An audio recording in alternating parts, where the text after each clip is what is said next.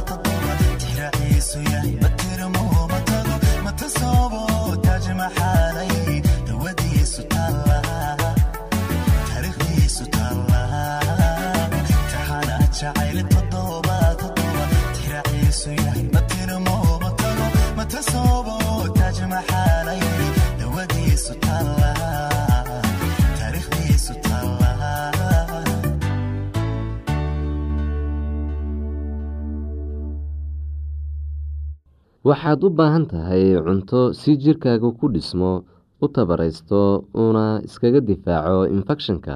Isku day inaad wax cunto ah xitaa haddii aad gaajo aysan ku haynin. Waxaa cuni kartaa cunto fudud marar badan. Haddii cuntada culus ay ku dhibayso waxaa u qaadataa sharaab ahaan. Cun waxaad cuni karto caano cab intaad alkohol cabi lahayd cabeeb ayaa qabi kartaa oo kaa hor istaagi karaa inaad wax cuntid. Cabeebka waa la daaweyn karaa ee dhakhtar u tag. Haddii shuban kugu dhaco waa inaad wax badan cabtid. Waxaa wanaagsan inaad afka sharaab milix leh ka cabtid. Waxaad sameyn kartaa sidan. Meel nadiif ah ku shub hal litir oo biyo ah. Fur baakadka o rska oo ku shub weelka biyuhu ku jiraan. O rs iyo biyaha isku walaaq ilaa ay isku qasmaan. Cab hal koob oo ah o rs mar walba oo aada saxarooto. Haddii aadan haysan o rs waxaad sameysan kartaa sokor iyo milix biyo lagu qasay. Ku dar hal qaado oo milix ah. Weel ku shub litir biyo nadiif ah ku dar sideed qaado oo sokor ah walaaq ilaa sokorta iyo milixdu ay isku qasmaan waa inaad isku daydo inaad wax ka cuntid saddexdan nooc waqtiyada aada wax cunayso.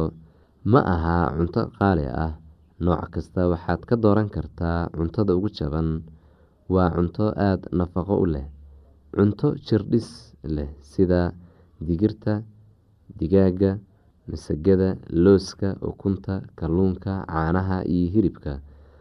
Cuntada tabarta leh waxaa ka mid a muuska bariiska baradhada burka iyo waxyaabo kale. Cuntada ka ilaalineysa jirka infekshanka oo laga helo fitamiinada waxaa ka mid a qudaarta iyo salarka oo dhan. Qof waliba dhibaato badan ayuu kula kulmaa sigaar cabista sigaarku wuxuu waxyeelo u geystaa sanbabada iyo qeybo kale oo jirka ka mid ah wuxuuna u fududeeyaa infekshanka inuu jirka u gudbo. Alkohol badan oo la cabaana jirka ayay dhibaato u geystaan gaar ahaan beerka. Waxaa muhiim ah in alkoholku is-habeyn la'aan iyo hilmaamid sababo. Waxaa hilmaami kartaa inaad is-ilaaliso markaad galmooneyso xusuuso xitaa haddaad qabto h i v waa ku halis inaad mar kale iyo mar kale isu bandhigto h i v-ga. Waxaa suurtagal ah xitaa inaad qaado cuduro kale oo la isu gudbiyo marka la isu galmoonayo oo markaas jirkaagu tabar dareynayo sigaarka iyo alkoholka waa qaali lacagtaada waxaad ku iibsan kartaa caano ukun digir iyo waxyaabo kale oo nafaqo leh. Cunto wanaagsan jirkaaga ayay xoojisaa waxayna kugu caawineysaa in aad in badan sii noolaato jirkaagu wuxuu doonayaa hurdo dheeri ah. Waxaa isku daydaa inaad sideed saacadood seexatid habeen walba dhammaadka usbuucii iyo markasta oo aad daalan tahay seexo. Xitaa waa fiican tahay inaad nasato. Waxaad dhegeysan kartaa heeso waxaad akhrisan kartaa jaraa-id bugaagta sheekooyinka ay ku qoran yihiin iyo waxyaabo kale. Waxaad la nasan kartaa dadka aada jeceshahay. Waxaad waqtiga la qaadan kartaa ilmahaaga adiga oo nasanaya. Waa wanaagsan tahay in la qabto inta la qaban karo. Howl lacag ayaa laga helaa. Waxay kaa dhigaysaa qof firfircoon. Waxaa ku arkaysaa meesha aad ka howlgaraysid saaxiibo iyo dad aada wada howlgashaan howl la'aantu iyo wada jooguba wuxuu kaa caawinayaa inaad hilmaamto walwalka ku haya. Haddaad dareento inay kugu adag tahay howshaada caadiga ah ka fikir inaad raadsato mid kale oo ka fudud ama isku day inaad yareyso hawsha. Weydiiso cidda aada u shaqeyso hadday kaa yareyn karaan saacadaha shaqada amase hadday kuu ogolaan karaan inaad shaqeyso maalin barkeed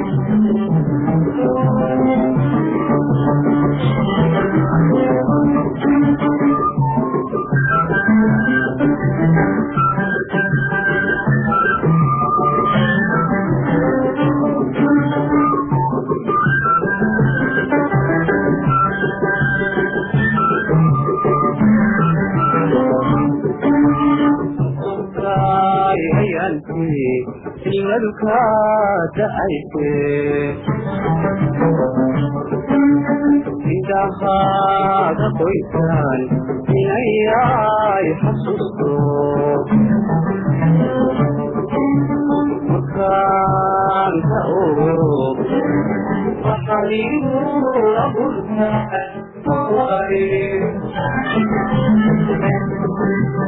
amaanada ilaahay noqokumaan ilaawine noqokuman ilaawine noqokuman ilaawine aa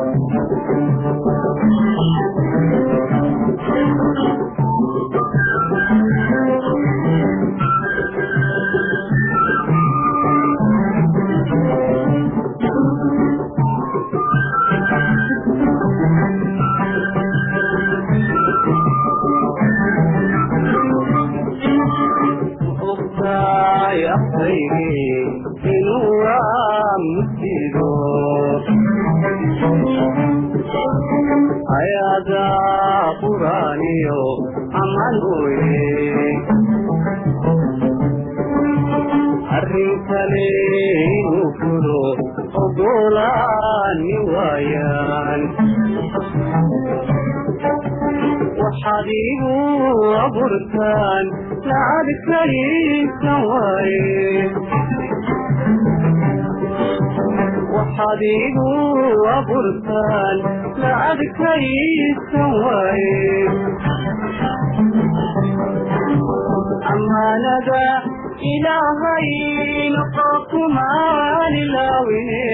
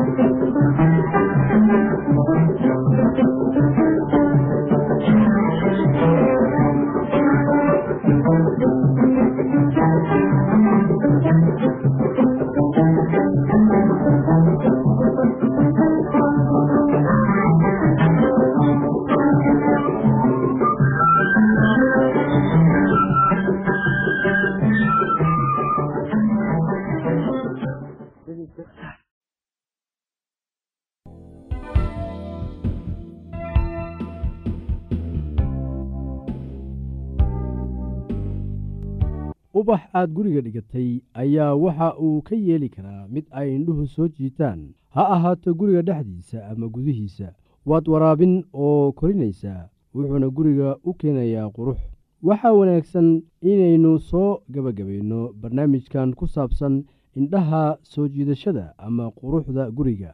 Waxaa laga yaabaa in gurigaagu nadiif yahay oo uu leeyahay nafis kugu filan iyo kuraas fadhi oo quruxsan laakiin xaas aan wax habayn aqoon ayaa quruxda gurigaaga hallayn karta.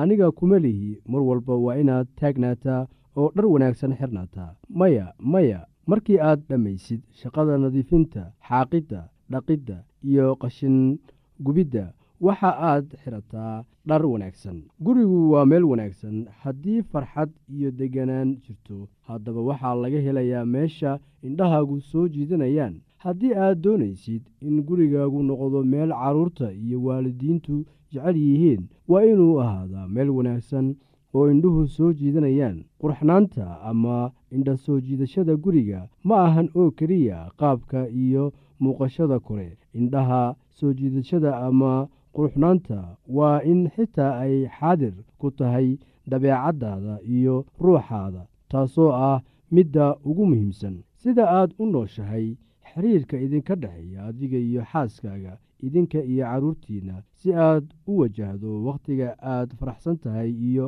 wakhtiga aad murugsan tahay naxariistaada daacadnimadaada shaqadaada iyo adeecaaga. Kuwan oo idil ayaa gurigaaga qurxin karaa haddii aad aadi bari waqooyi galbeed ma helaysid meel ka fiican gurigaaga.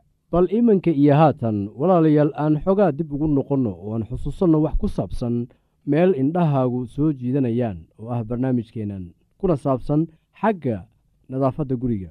Guryaha qaar isla markii aad eegtidba indhahaaga ayay soo jiidanayaan qaarna indhahaagu ma jeclaysanayaan. Ma ahan mid inuu cusub yahay kan kalena duug yahay. Maya sidaasi ma ahan waxaa jira guryo badan oo duug ah laakiin haddana indhahaaga soo jiidanaya qaar cusubna ay indhahaagu diidayaan. Waxaad isweydiisaa maxaa keenay kala duwanaanshahaas? Taasi waxay ku xidhan tahay qofka dooqiisa waxa uu doorbidayo waxa uu jecel yahay iyo waxa uusan jeclayn. Inaad gurigaaga wanaajiso oo aad qurxiso macnaheedu ma ahan inaad isticmaashid lacag badan. Bal marka hore aynu sharaxno oraahda ah indha soo jiidasho taasoo aan aad ugu isticmaalayno barnaamijkan. Gabdhaha qaar ayaa waxa ay ku fikiraan labis indhaha soo jiita inuu yahay oo qura kan casriga ah ee ugu dambeeya ama darees laga soo iibiyey magaalada laakiin sidaan ma ahan xitaa marka la eego labiska. Marka maxaa loola jeedaa guri indhahaaga soo jiita? Tan macnaheedu waxa weeye guri leh nadiif qurxoonaan udgoon oo deeraddiisu wanaagsan tahay oo la habeeyey. In meel aad ka dhigto meel wanaagsan oo indhahaagu qabanayaan waxaa loo baahan yahay ahmiyad dadaal dheeraad ah iyo aadaab aad ku xaajisid wixii aad fulisay. Waxaan xusuustaa markii aan soo barbaarayey markii aan dhallinyarada ahaa waxaa subax walba aan soo agmari jiray gurigoo markii aan u socdo dugsiga. Markii hore waxaynu u fiirsanay oo aynu aragnay in gurigaas iyo kan u dhow ee deriska la ah aanay isku mid ahayn. Labada guriba waxaa ku yaalay geedo halka iridda laga soo galo. Gurigan qaas ahaan mar waliba waxa uu ahaa nadiif oo waa la xaaqay caleyntii soo daadatayna waa laga guray. Xitaa waxaad arki kartaa caleynta qoyan ee soo daadatay kadib markii halkaasi la xaaqay. Mar waliba oo aynu meeshaas soo marnaba gurigaasi waxa uu ahaa nadiif oo waxaynu u bixinnay magac innaga oo ugu yeerayna nadiifsane. Runtii ninkan waxa uu lahaa ahamiyad iyo dadaal uu samaynayey iyo aadaab awoodsiisay inuu shaqadan fuliyo oo ay meeshu ahaato nadiif isbuuc ka isbuuc. Hase yeeshee abaalgudka dadaalkiisu waxa uu noqday mid ka weyn kii uu filanayey waxaad dareemaysaa waayo aragnimo ah isku kalsoonaan iyo waxqabad marka adiga laftaada aad gacan ku leedahay. Dadaal kasta way u qalantaa haddii ay tahay guriga gudihiisa ama dibaddiisaba haddii aad qabto wax su'aalaha fadlan inala soo xiriir. Ciwaankeenna waa radio somaly at yahu t com. Mar labaad ciwaankeenna waa radio somaly at yahu dt com. Barnaamijyadeena maanta waa naga intaas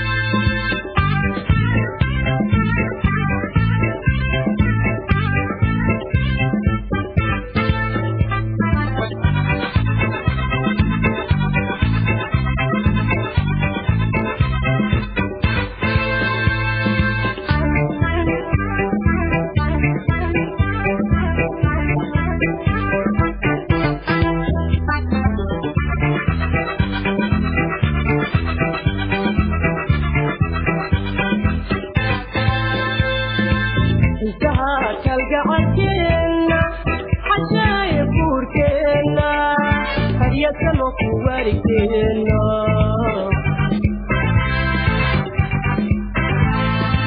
ku waarigeenna